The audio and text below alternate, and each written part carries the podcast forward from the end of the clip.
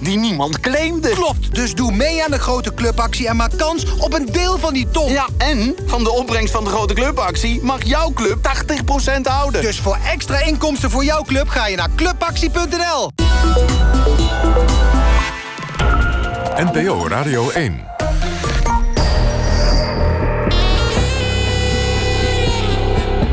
Argos. Onderzoeksjournalistiek van Human en de VPRO. Erik Arends. Goedemiddag. Stel je voor, je woont met je kinderen in een gebied waar constant oorlog is. Of waar een dictatoriaal regime aan de macht is. Je man is een paar jaar eerder naar Nederland gevlucht. En na lange tijd mogen jij en je kinderen ook overkomen. In het kader van gezinshereniging. Dan denk je, eind goed al goed. Maar dat ligt een tikkeltje anders.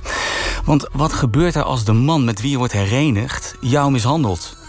Sanne Terlinge ontdekte ernstige misstanden in Eritrese gezinnen in Nederland. En dit is haar verslag. We mogen wel zeggen toch dat we ergens in het noorden van het land lopen? Ja. Maar we mogen niet hard praten nu op straat. Ja. Er liep net een Eritrese man. Ja, het eh, kan uh, haar man zijn die net uh, voor ons liep. Ik ga die, die recorder wegdoen. Ik moet hem wegdoen. En dan ga ik, uh, die recorder stop ik in mijn tas en dan pak ik mijn telefoon erbij. En dan ga ik met mijn telefoon verder opnemen. Ja, zo. dat, dat is prima.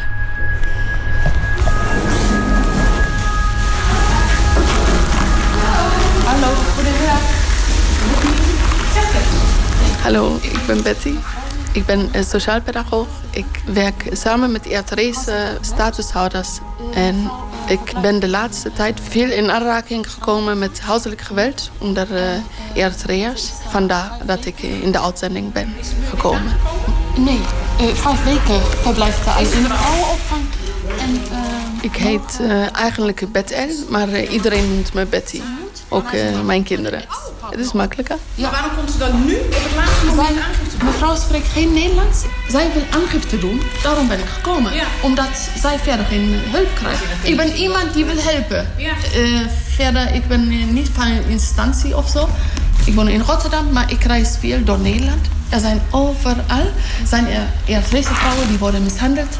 Uh, dus slachtoffer van huiselijk geweld. En ik zie zoveel dingen verkeerd gaan.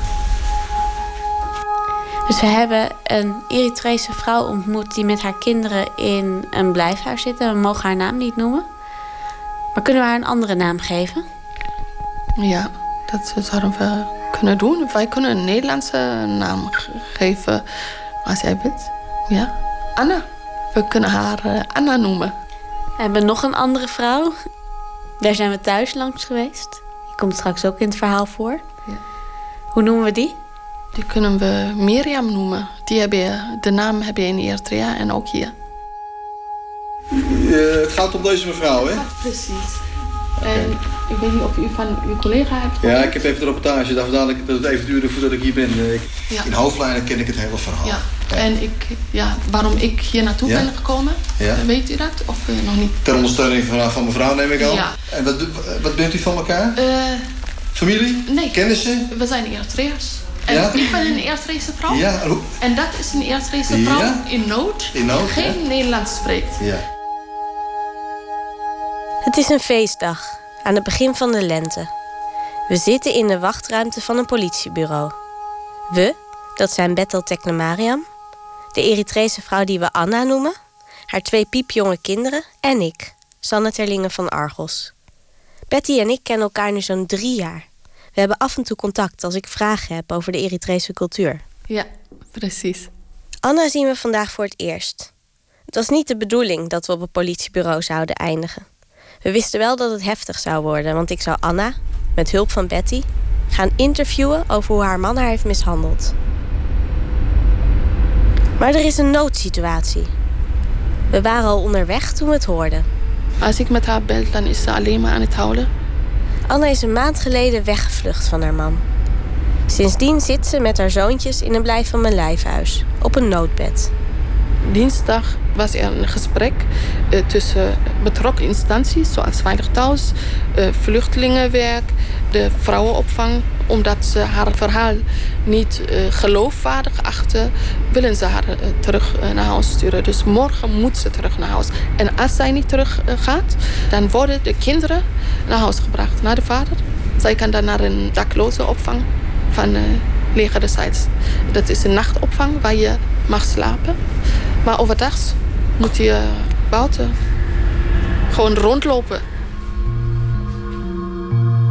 Het moeten verlaten van je huis en haard en je land en je netwerk is natuurlijk uh, heel stressvol. Elise Smal is adviseur op het gebied van gezondheid van vluchtelingen. Ze werkt bij expertisecentrum Varos. Dan zie je bij migranten, dat blijkt ook uit onderzoek, dat het samen zijn met familie gewoon eigenlijk het laatste houvast is wat mensen hebben. Het belang van gezinshereniging kan niet genoeg benadrukt worden, zegt ze. Ook voor integratie. Tijdens die wachttijd zie je dat ook aan mensen. Dat ze veel bezig zijn met hun gezin nog, wat, wat nog in het land van herkomst is, vaak in een onveilige situatie. Dat dat veel stress oplevert.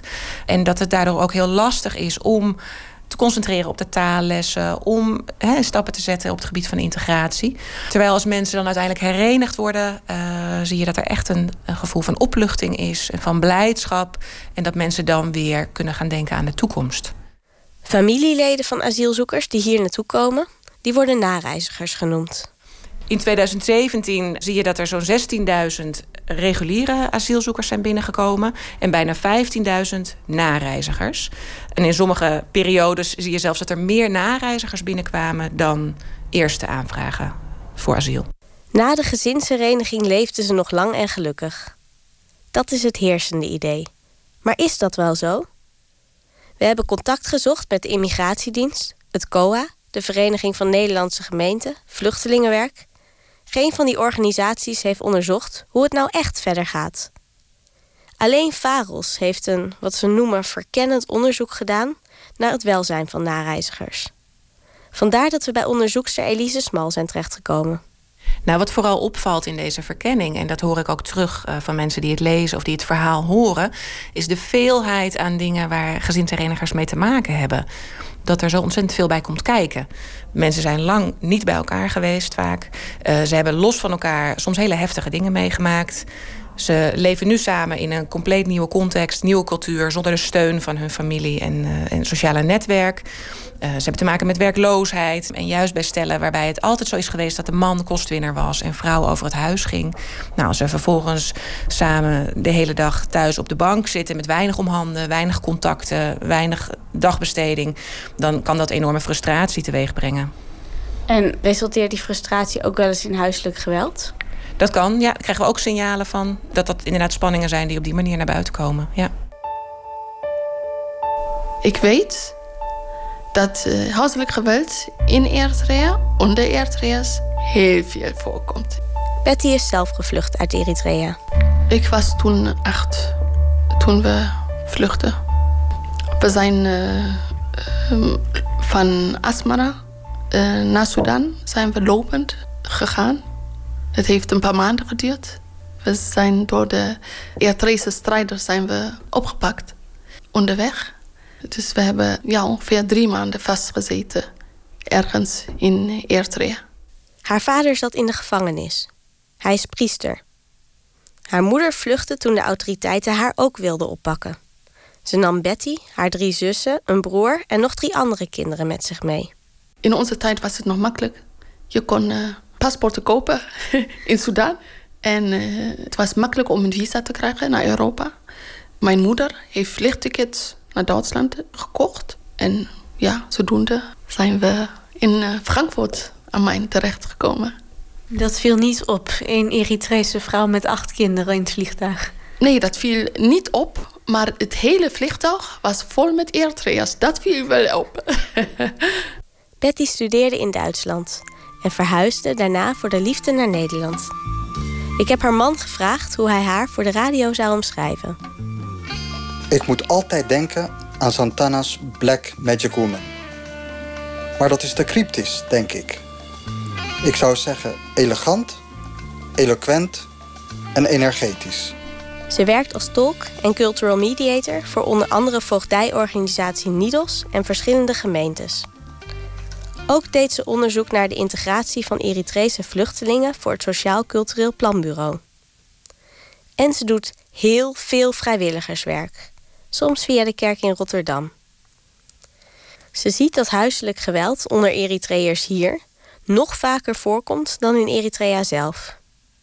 Bij meer dan 70% van de vluchtelingengezinnen waar ze mee in aanraking komt. Huiselijk geweld, dan bedoel ik niet een klap in je gezicht. Uh, of dat je getrapt wordt. Dat is het niet. Echt fysieke mishandeling. Dat ze worden geslagen met een riem, met een stok. Is het echt zo erg als Betty beschrijft? Waarom weten we daar dan niks van? Ik kan me er weinig bij voorstellen. Dus neemt Betty me mee naar een van de vrouwen die ze helpt. We noemen haar Mirjam. Zo, zijn we uit de metro? Ja, weet de weg? Ik weet de weg, ja. Ben je er eerder geweest? Uh, ik ben, ja, ik ben uh, al vaker daar geweest. Waar ze nu woont. Mm -hmm. Want wat ja. is dat? Is het een huis van de gemeente? Of nee, dat is geen huis. Dat is van de opvang. Zij hebben het onderverhuurd. Dat, zo doen ze dat voor de vrouwen. Ze geven een jaar begeleiding aan de vrouwen. Maar voordat ze da daar kwam, heeft het lang geduurd. Hallo? Mirjam wil niet met haar echte naam op de radio. Maar we mogen de gruwelijke details die ze vertelt opnemen. Als ik haar vraag waarom, zegt ze dat ze andere Eritrese vrouwen wil helpen. Zij is intussen is ze geholpen, maar er zijn nog heel veel vrouwen die opgesloten zitten thuis.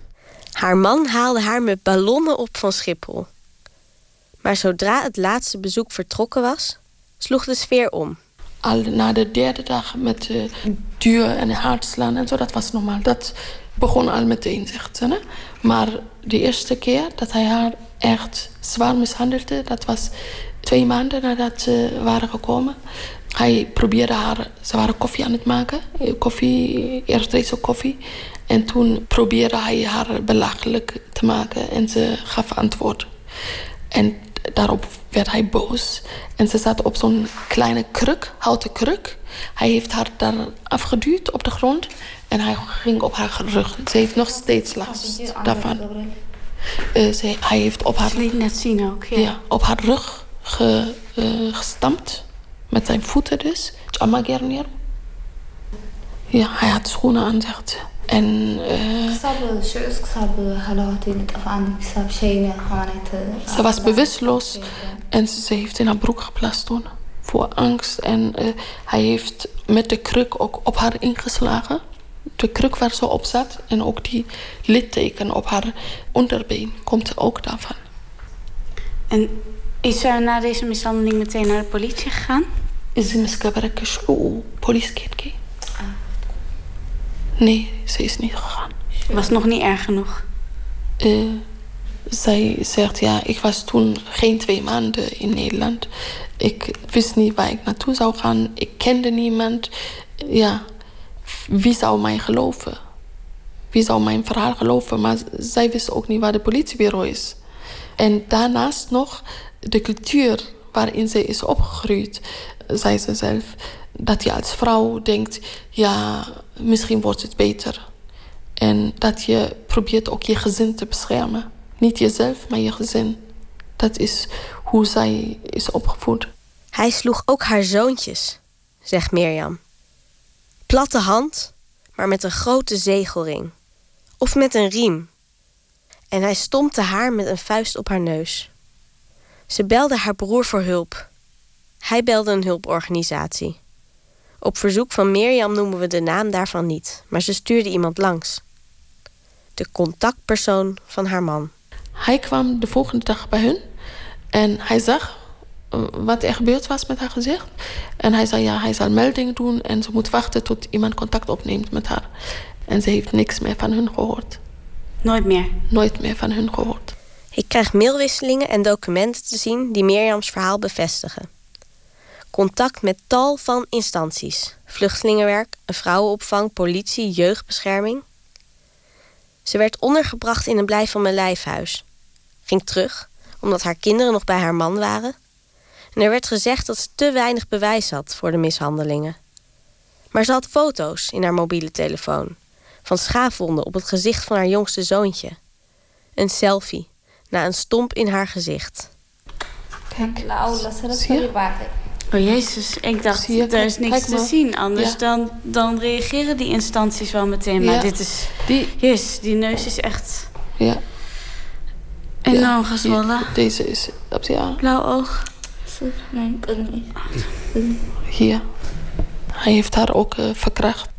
Niet alleen tegen haar wil, maar ook verkracht. Echt met geweld genomen. Ja. Ik eh, moet eh, ja, zelf eh, echt... Dat is een beetje heftig, vind ik. Ze heeft abortus gepleegd. samen met hem. Dus ze dacht dat het kind, als het geboren zou worden, niet gezond zou zijn. Na wat er gebeurd is. En zij hebben tegen hem gezegd dat ze geen seks mag hebben de komende weken. En hij heeft haar dus verkracht na vier dagen. We stoppen het interview omdat Mirjams jongste zoontje de kamer binnenkomt. Hij heeft veel gezien, maar ze wil niet dat hij alles hoort. Hij rijdt met zijn gele speelgoed bulldozer over de leuning van de bank. Hij praat niet. Het is onduidelijk of dat komt doordat hij zoveel heeft meegemaakt, of doordat hij niet weet of hij Nederlands of Tigrinya moet spreken. Hij woont pas sinds enkele dagen weer bij Mirjam. Sinds de kinderrechter heeft geoordeeld dat de kinderen beter af zijn bij hun moeder. Mama. Mag je, kan je naar mama? Mama. Hij zegt alleen mama. ik vraag hem weer jouw mama geweest en hij zegt mama. En krijgt zij nu nog hulp om te verwerken? Of krijgen haar kinderen nog hulp om te verwerken wat er allemaal is gebeurd? Nee, ze krijgt helemaal geen hulp voor de verwerking. Ja, dat kan ik vragen. Dat zal ik doen. Maar de enige hulp die ze krijgt is van een andere vrijwilliger, vrouwelijke, en van mij. Wij luisteren naar haar, wij bellen haar regelmatig. Zij belt ons als ze een moeilijke dag heeft gehad. Als ze eh, met haar hulp vragen, komt ze meestal bij ons.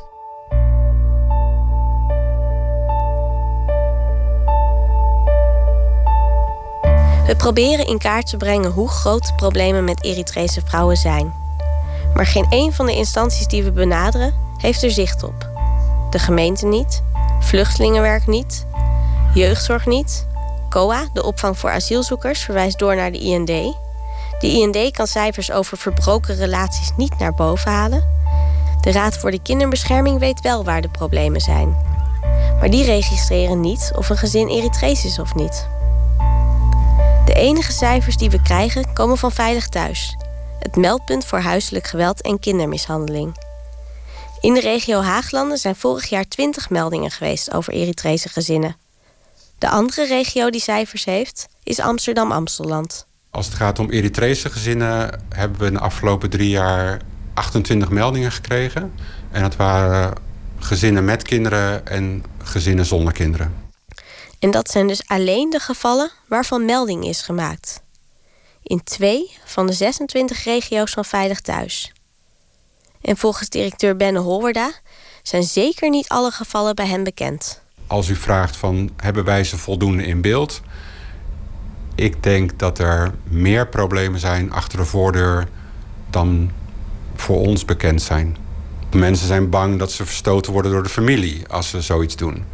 Maar wat we zien als algemeen beeld is dat wantrouwen jegens de overheid en de politie en de cultuur bij Eritrese vluchtelingen het risico op het niet doen van aangifte groter maakt. Maar de problemen liggen niet alleen aan de Eritrese cultuur of aan het vluchttrauma. Dat zien we als we dieper in het onderwerp duiken. Het ligt ook aan de manier waarop we hier de opvang van nareizigers organiseren. Dat begint al op de dag dat ze in Nederland aankomen. Dat blijkt ook uit het onderzoek van VAROS. De schatting is dat ongeveer 60% direct van het aanmeldcentrum naar de gemeente gaat. Uh, en zo'n 40% eerst nog naar een AZC. Dus het komt erop neer dat die 60% dat die eigenlijk gewoon binnen een week al bij hun, ja, meestal man dan denk ik, intrekken. Ja, en wat je vooral ziet is dat als mensen dan direct naar hun woning in de gemeente gaan, is dat ze eigenlijk heel erg weinig informatie hebben gehad over hoe dingen hier werken. Vrouwen hebben dus geen idee waar ze naartoe kunnen als er problemen zijn. Maar ook als ze dat wel weten, dan durven ze vaak nauwelijks iets te vertellen. Hun verblijfsvergunning is namelijk gekoppeld aan die van hun man. Klopt, klopt. De, de nareizer die heeft een, een afhankelijke verblijfsvergunning. ja, om die te behouden moeten mensen ook samenwonen. Uh, en zeker in het geval wanneer er grote problemen zijn... of zelfs huiselijk geweld, dan is dat natuurlijk een hele ingewikkelde. De gezinnen krijgen een uitkering. Vaak wordt de uitkering van de vrouw bijgestort op de rekening van de man. Dat is wat Betty vaak ziet. Vrouw moet bij hem aankloppen als ze geld nodig heeft. Terwijl het de vrouwen zijn die de boodschappen doen. En dan is er nog het taalprobleem. Nou, de enige regeling die er nu is, is uh, voor de eerste zes maanden dat iemand in de gemeente woont, dat er een tolkenregeling is bij de huisarts. Voor alle andere begeleiding dus niet. Dus bij de verloskundige niet, bij het consultatiebureau niet. Nou, als je naar de gemeente gaat niet. Dus op al die hele belangrijke plekken waar je naartoe moet gaan voor zorg en begeleiding, moet je zelf een tolk regelen, heel vaak. En zeker bij gezinsherenigers versterkt dat eigenlijk die afhankelijkheid. Want stel dat je problemen hebt met je partner... en die partner is ook degene die voor je moet tolken... Nou, dan is dat natuurlijk nogal een lastige. Ik denk als je de taal niet kan, de wegen niet kent... veilig thuis nooit van gehoord, dan ga je daar dus niet naartoe. Dan probeer je te bellen met degene die jou verstaat... die jou begrijpt, die jou ook gelooft... Monique Havenman geeft opvoedcursussen aan Eritrese moeders in verschillende gemeenten. Soms samen met Betty. Alle genoemde problemen ziet ze bij haar moeders terug. En dat is denk ik vaak waar Bettel wordt ingeschakeld. Dordt met de telefoniste. Goedemorgen, met Tikle Mariam. Uh, ik bel uit Rotterdam. En mevrouw heeft mij gevraagd, zij spreekt geen Nederlands. Ja. Dus ik ben op ja. dit moment haar stem. Uh, Oké, okay. ja.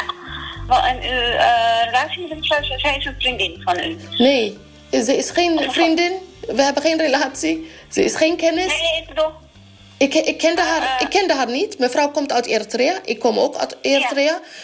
Maar bent u van een stichting? Ook niet. Ik heb zelf contact opgenomen met de politie, met vluchtelingenwerk, met de huisarts. Ja. En ik vond het jammer dat niemand mevrouw heeft gebeld. Vanmiddag uh, wordt er over gesproken. En uiteraard wordt dat met ouders uh, besproken. Als u zegt dat er met ouders wordt gecommuniceerd, dan hoop ik ook dat daarmee ook de moeder bedoeld is.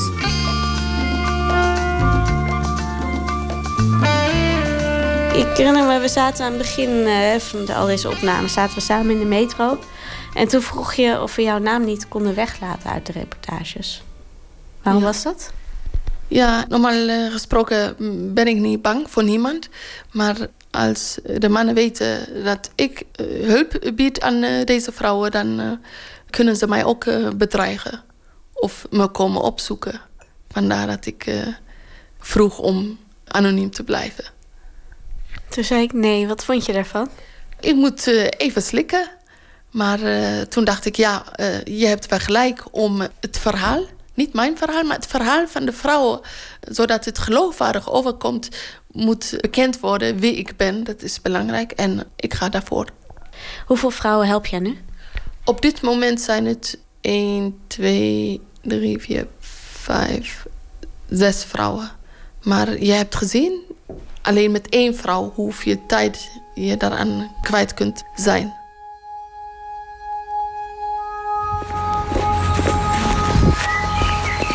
Ook met mijn eh, telefoon. Ik sta op een grote parkeerplaats en Betty die is aan het bellen. Met eh, de vrouw bij wie we nu op bezoek gaan. Want we kunnen de ingang van de geheime opvang niet vinden. We zijn eigenlijk te laat. Anna zit al meer dan een maand in een blijf van mijn lijfhuis nadat haar man haar probeerde te wurgen. Pas deze week hoorde Betty haar verhaal. En nu blijkt dat ze morgen op straat zal worden gezet. Gevonden? Ja. Anna dacht dat ze aangifte had gedaan bij de politie. Maar het bleek alleen maar een melding te zijn. En omdat er niets op papier staat, hebben de betrokken instanties besloten dat ze morgen naar huis moet. Terug naar de man. Hallo, voor wie komt u? We hebben drie uur gereisd om hier te komen. Om Anna te helpen om alsnog aangifte te doen. Maar het adres dat ze ons heeft opgegeven blijkt niet te kloppen. Met hulp van Eritreërs die hier bekend zijn, vinden we het opvanghuis toch. Uh, ik moet even mijn leiding uh, bellen, want uh, we mogen niet zomaar mensen ontvangen. Nee, zij, uh, zij verwacht me. Nee, maar ik moet eerst even... Ik wil het zelf horen van de leiding, dus ik ga heel even bellen. Is goed. Via de telefoon vertelt Anna ons ondertussen wat er allemaal aan de hand is. Haar man dreigt niet alleen haar te vermoorden, maar hij mishandelde ook haar kinderen. Hij bond hun zoontje vast aan zijn armen en benen en legde hem op de grond. Hij maakte er foto's van, die hij appte naar zijn vrienden. Ook bleef hij dagen weg. Dan liet hij geen geld achter voor eten. En hij belde haar moeder. Hij zou Anna binnenkort in een doodskist terugsturen naar Eritrea. Anna kon niemand bereiken. Haar telefoon had hij afgepakt.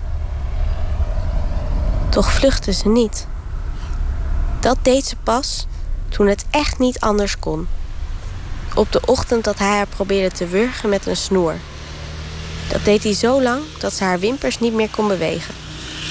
Het lukte niet. Ze moest hoesten. Hij pakte een mes. Toen kwam hun zoontje de keuken binnen. Hij begon te gillen. Anna zei dat ze hem naar school moest brengen. Toen vluchtte ze met hem en de baby het huis uit. Na uren dwalen door de stad ging ze naar de politie. Hallo. Hallo, ik heb mijn leidinggevende gesproken. We mogen jullie niet binnenlaten. Jullie mogen hier ook niet bij de deur blijven staan. Want het is voor ons ook onveilig. Voor als mensen hier, uh, weet je wat? Oh, ja. Dus uh, het was ook niet de bedoeling dat ze dit adres had gegeven. Want dat, dat mag niet. We mogen, Dat het heeft, adres moet dat, geheim blijven. dat heeft ze niet doorgegeven. Ze heeft het adres niet. Onze missie is kansloos, krijgen we te horen. Bovendien is het een feestdag. Dus vandaag kan je sowieso geen doen. Uh, ja, dat uh, zullen we zien. Maar Betty laat zich niet wegsturen. Ze pakt de telefoon. Aan de ene kant zegt u dat het niet veilig is om nu naar buiten te gaan. Aan de andere kant wordt ze morgen teruggestuurd naar haar man. Is dat dan veilig? Zeg je nou dat het niet veilig is om naar buiten te gaan ja. worden? Ja. Wie was dat? Dat is uh, een van die medewerkers. En ik wilde nog vragen de naam. Toen heeft, uh, is ze weggegaan. Maar ik kan me echt zo daaraan uh, opvinden. Maar ja, dat heeft geen zin. Dit is Argos met Betty Teklemariam. Betty is cultural mediator. Ze besteedt al haar vrije tijd aan het helpen van Eritrese moeders in Nederland. Omdat niemand anders dat doet. Het is echt niet allemaal kommer en kwel.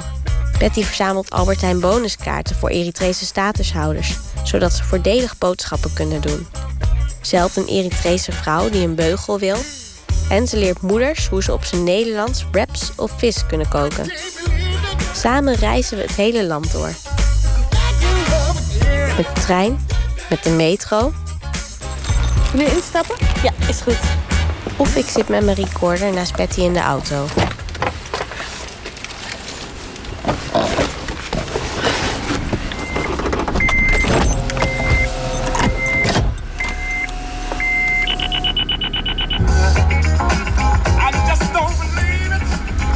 Ik mag alles opnemen. Want Betty wil dat naar buiten komt hoe groot de problemen van Eritrese moeders zijn. Wat ga je doen? Ah, je bent file aan het mijden. Ja, een klein beetje. Niet echt. Jij bent altijd... toch geen heilige, Betty? Nee, helemaal heilige. Ik denk, uh, uh, niemand is heilig. Dat zijn kleine trucjes die iedereen gebruikt, toch? En zo belanden we ook in Alphen aan de Rijn. Waar Betty op vrijdag opvoedcursus geeft aan een stuk of tien Eritrese moeders. De vrijdagochtend is gewoon gezellig. We zorgen voor uh, hambasha, dat is uh, Eritrees brood. Dat wordt om de beurt gebakken. Het is gewoon altijd leuk. Ja, we moeten straks maar even vegen. Na de cursus praat ik door met Monique Havenman. Zij organiseert deze moedergroepen en huurt Betty daarvoor in. En soms zijn het verhalen die ze vertelt. Dat ik soms ook wel denk, ja, maar dat kan toch niet waar zijn? Weet je wel, je eerste reactie is van, dat, dat kan toch niet waar zijn? Maar het gebeurt gewoon, blijkbaar. Hè? Moeders die uitgehongerd worden. denk je van, hoe kan dit? En hoe kan dit in een samenleving? Hoe kan dat zo lang uh, verborgen blijven?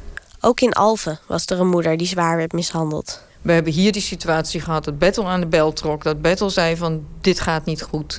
En uh, in eerste instantie gebeurde er niks. En uiteindelijk is het gewoon fout gegaan. Betty's probleem, zegt Havenman, is dat ze gewoon zichzelf is. Ze is geen hulporganisatie of stichting. Als je van een instantie bent, dan kan je zeggen van... Nou, ik ben van de GGZ en hier moet ingegrepen worden. Maar wie is Battle? Hè? Als je Battle niet kent en je krijgt Battle aan de telefoon als hulpverlener of als instantie, hoe reageren mensen daarop? En dat is anders dan als je vanuit een instelling belt. Terwijl de deskundigheid niet minder is. Battle vertelt natuurlijk het verhaal wat ze van de moeder hoort. En tuurlijk kun je niet 100% altijd uitsluiten dat daar verergering of uh, dat je goed naar de situatie moet kijken. En dat is natuurlijk de taak van instanties. Maar doe iets met het signaal. Battle doet het echt niet voor niks. Want je brengt een hoop ellende overhoop en dat ga je niet voor niks doen. Waarom zou zij dat doen?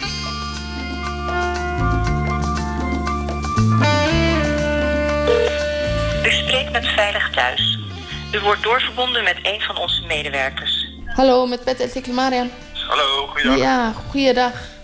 Uh, Hi. Hi, ik had eerder gebeld. En ik had om uh, een terugbelverzoek ingediend. Helaas ben ik niet teruggebeld. Nou, ik heb zelf deze casus uh, in behandeling. Ja? Dus ik ben betrokken bij het gezin. Ja? En ik was gisteren vrij, dus ik heb niet gebeld naar het gezin. Ik kan verder niet echt inhoudelijk op de casus ingaan. Uh, en ik hoor dat u betrokken bent, dat ik heel fijn ben, vind, want dan kunt u op die manier ook moeder ondersteunen. Is goed. Ja, mevrouw zal me op de hoogte houden. En als, als zij niet tevreden is en dat bij mij aangeeft, dan zal ik contact opnemen met, uh, met Veilig Thuis. Ja, dat kan hoor. Ik mag altijd contact opnemen. Dat is geen enkel probleem. Ja, maar... Hartstikke bedankt. Maar ik wil nog één, één melding doen. Nee, nee, ik ga nu echt ophangen, want ik moet uh, weer verder naar een volgend uh, gesprek. We zijn weer in het noorden van het land. Met Anna. Twee uur wachten en bellen verder. Anna mag naar buiten om politieaangifte te doen. We moeten haar twee huizenblokken verderop opwachten. Ze komt aan met de kinderwagen en haar oudste zoontje hangt op haar rug. In haar hand heeft ze een briefje dat ze zelf niet kan lezen. Mevrouw moet met kinderen vandaag voor acht uur binnen zijn, staat er. We pakken deze aan. Ja, oké.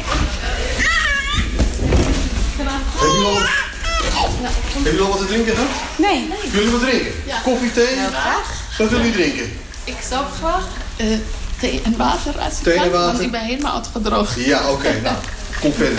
Betty heeft zich opgepept voor de strijd.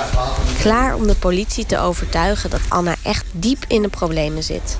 Ja. Maar als moeder niet veilig is, dan zijn ja. kinderen toch ook niet veilig, vind ik. Ja. En ik, ik begrijp niet goed dat er zo hiermee wordt omgegaan. Dat men niet naar de culturele achtergrond kijkt. Dan blijkt dat we tegenover een politieman zitten die het allemaal heel goed begrijpt. Waar we tegenaan lopen bij de Nederlandse politie, ja. dat zijn allemaal Nederlandse mensen. Merendeel. Ja. En die zijn niet op de hoogte van de culturele achtergronden van welke etniciteit dan ook. Ja. Nou, daar vandaan komen ze vaak ook bij mij terecht. Niet om, ik, ben, ik ben niet hier geboren, maar al hele kleine, zoals die twee daar ben ik ook hier naartoe gekomen, iets ouder. Maar ja, op de een of andere manier ja, moet je dit hebben. Om dat te kunnen voelen en te kunnen proeven wat het is. We kunnen het gesprek, vanwege de veiligheid van Anna... en vanwege de privacy van de politieman, niet helemaal laten horen. Maar eindelijk treffen Betty en Anna iemand die hen serieus neemt. Kijk, wat ik meestal doe, is het opmaken van een checklist. De vraag is, is hier sprake van mogelijk ingerelateerd geweld in de relatie met, uh, tussen de man en de vrouw? Wat ik mis uit de rapportage zijn uh, de gesprekken die gevoerd zouden zijn met de man. En die mis ik. Ik, ik lees nergens hoe de man, ja, man heeft gezegd van ja, ik bied mijn excuses aan en ik ga dit, ik ga dat. dat en, uh, makkelijk praten. Ja, dat, dat snap ik. Dan komen allerlei details naar boven waaruit blijkt dat in het geval van Anna sprake is van eergerelateerd geweld. Er is een bruidschap betaald, maar de man houdt er meerdere vrouwen op na. Nadat Anna is weggelopen, heeft hij haar en haar familie gebeld met doodsbedreigingen. En ook andere Eritreërs bellen en intimideren Anna op verzoek van haar man. Zelfs de biechtvader van de kerk en een Eritrese hulpverlener doen eraan mee. Ja. Oeh. Ik ga even een collega bellen. Ja. Dan doe ik even ergens anders. Ja, in, dat is- En dan kom ik zo weer even terug. Dit, dit, kunnen we ondertussen eventjes... Uh, Ja, de koffie, of de thee, de water ja, drinken. dankjewel.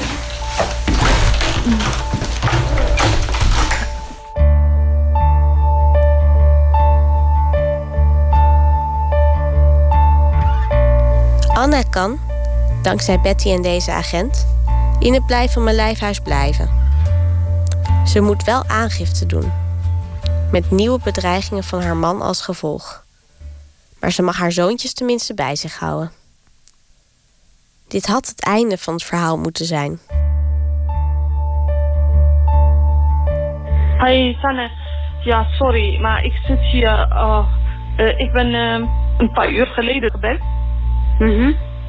De, de vrouw waar wie we geweest zijn. Precies, haar jongste heb je gezien? Het is zaterdagavond 11 uur als Betty me belt. Het gaat over Mirjam en over haar jongste zoontje. Het jochie dat tijdens ons interview met zijn gele bulldozer speelde. Af en toe moet hij op bezoek bij zijn vader, want er is een omgangsregeling. Hij heeft de kinderen niet van school opgehaald, de twee oudste. Maar het jongste kind heeft hij daarvoor meegenomen. Het was zo afgesproken. En vandaag is ze gegaan om het jongste kind op te halen bij de bushalte. Hij kwam niet opdagen. Al sinds vier uur 's middags is Betty aan bellen. Niemand neemt op. Het is weekend. Ik heb haar naar de politiebureau gestuurd. En de politie zegt, ja, maar dat is een civiele zaak. We kunnen niks doen. Hey, dat is, vrouw is bezocht en ze heeft de vader gebeld. Hij neemt niet op. En ik, ik, ik weet niet wat ik moet doen. Lig jij hier s'nachts wakker van? Ja, soms wel. Eigenlijk, uh, uh, ja, ik uh, slaap. Ik slaap niet zo, niet lang en niet zo goed. Vannacht bijvoorbeeld ben ik om half één naar bed. Ik ben om vijf uur opgestaan. Het is heel kort. Ehm, omdat ik denk, ja, ik moet nog dit doen. Ik moet voor deze vrouw moet ik nog dit doen. Moet ik een mail sturen. Ik moet, uh, ja, ik moet zoveel nog regelen. En uh, uh, ik wil s'nachts mijn rust vinden, maar dat is lastig. Betty die krijgt langzamerhand een landelijke bekendheid... en wordt dus uit alle hoeken en gaten van Nederland gebeld. Het wordt allemaal te veel. Dat ziet ook Paul Bergmans, met wie Betty vrijwilligerswerk doet in de kerk in Rotterdam. Ik waardeer uh, Betty erg, moet ik zeggen. En de zorg die ik heb is dat ze overspoeld wordt door de vragen uh, uit het land. Heeft u dat idee? Ja, ja, ja. En dat, dit moet ze ook niet alleen blijven doen. Daar moeten oplossingen voor komen vanuit de hulpverlening. Het wordt steeds meer. Dat is gewoon te veel voor mij met uh, mijn werk, het werk wat ik heb, met mijn gezin, huishouden. En wordt steeds uh, uh, moeilijker. Wil je er dan niet mee stoppen? Nee, ik wil niet. En ik kan ook niet daarmee stoppen. En als ik met een zaak begin, dan ga ik tot het eind. Tot zoveel mogelijk afgehandeld is. Ik stop niet ergens. Dat is niet mijn, mijn aard om te stoppen. De volgende ochtend belt Betty me alweer. Over Anna. Anna was in de opvang. Maar zij is van een beschermd vrouwenopvang naar een open opvang uh, gebracht. En de man is achtergekomen. Ik weet niet hoe hij daarachter is gekomen. Dat zij daar verblijft. En hij staat uh, uren aan de overkant naar uh, dat gebouw te, te starren. Anna heeft ons verteld dat ze terug wil naar het Europese land waar ze zelf een verblijfsvergunning had. Maar dat mag niet, hebben de instanties haar nu verteld. Vaders hebben ook rechten. En haar ex heeft dus het recht om zijn kinderen te zien. Ze mag alleen terug naar huis als ze haar zoontjes hier in Nederland achterlaat. Ook bij Mirjam is het weer raak. Ze heeft haar zoontje terug maar hij kwam thuis met een open wond onder zijn oksel. De hout is een stuk van 3, 4 centimeter onder zijn oksel. Helemaal een soort grote scheur? Ja, niet echt scheur. Het is erger dan scheur. Het zag er echt heel pijnlijk uit. Ja. Maar wat is er gebeurd? Want ik kon niet zien wat het was. Wat, hoe je aan zoiets onder je oksel kunt komen. Dat uh, weten we ook niet. Dat weet uh, Mirjam ook niet. Wat ze weet is dat hij bij de vader was. Mirjam maakt er een foto van die we opsturen naar Menso Westerouwen van Meteren. Hij was vroeger huisarts en is geregistreerd als forensisch arts. Dan zie ik een kind. Uh, het is een detailopname van een uh, wond aan de bovenarm, de binnenkant van de bovenarm, dicht tegen de oksel aan. En hoe kan je aan zoiets komen? Kinderen lopen natuurlijk allerlei eh, verwondingen op met ongevalletjes. Maar ja, je kan tegen een kachel lopen, je kan uh, nou ja, tegen een tafel oplopen, je hoofd stoten enzovoort. Maar dat vindt dus plaats op hele andere plekken. Als ik de huisarts van het kind zou zijn en ik zou dat zo zien, dan zou ik een niet-pluisgevoel krijgen. Eh, waarbij je dan toch denkt van is hier niet een vorm van mishandeling geweest. En als u al in het dossier zou zien staan dat de moeder al in een blijf van mijn lijfhuis zit vanwege huiselijk geweld. En dit kind kwam dan terug na een bezoek aan de vader. Ja, dat uh, maakt het uh, niet-pluisgevoel alleen maar groter. We vragen Westerau van Meteren wat hij zou doen als hij geconfronteerd zou worden met dit kind. Je moet aan de alarmbel trekken en vanuit jouw hoedanigheid en verantwoordelijkheid handelen. En je realiseren dat het kind eh, mogelijk in gevaar is. Dit is een verwonding die je niet kunt vertrouwen. Betty maakt een afspraak voor Mirjam en haar zoontje in het ziekenhuis. Het is een brandwond, zeggen ze. En Mirjam moet aangifte doen. Betty maakt een afspraak bij de politie. Boven op je hout kan per ongeluk gebeuren, maar onder je oksel bij een kind van twee jaar het moet met opzet zijn. Heb je aan? Uh... Ja. Wat ben... is er gebeurd? Ja, ik ben, uh, ik ben echt boos omdat uh, Mirjam belde me vanochtend. Ik ben al sinds vrijdag ben ik met Mirjam en met haar kind bezig. Nu komt de jeugdbeschermer ineens, weet niet wat er gebeurd is, wat er geregeld is. Jeugdbescherming zegt de afspraak bij de politie af. Ze willen dat een dokter naar de wond kijkt, terwijl het jochie al in het ziekenhuis is geweest. Ze maken geen nieuwe afspraak voor de aangifte. De eerste keer is het ook zo gegaan. Toen moeder bij de man wegliep, kon ze ook geen aangifte doen. En er was een melding en ze werd heen en weer gestuurd. Ja, de, de geschiedenis eh, herhaalt zich eigenlijk.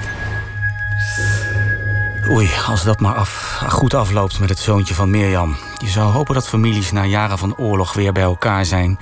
en nog lang en gelukkig leven. Maar ja, dat is dus helaas niet altijd het geval. U luisterde naar een reportage van Sanne Terlingen en Hilke Jan Borger. Eindredactie Huub Jaspers en techniek Alfred Koster.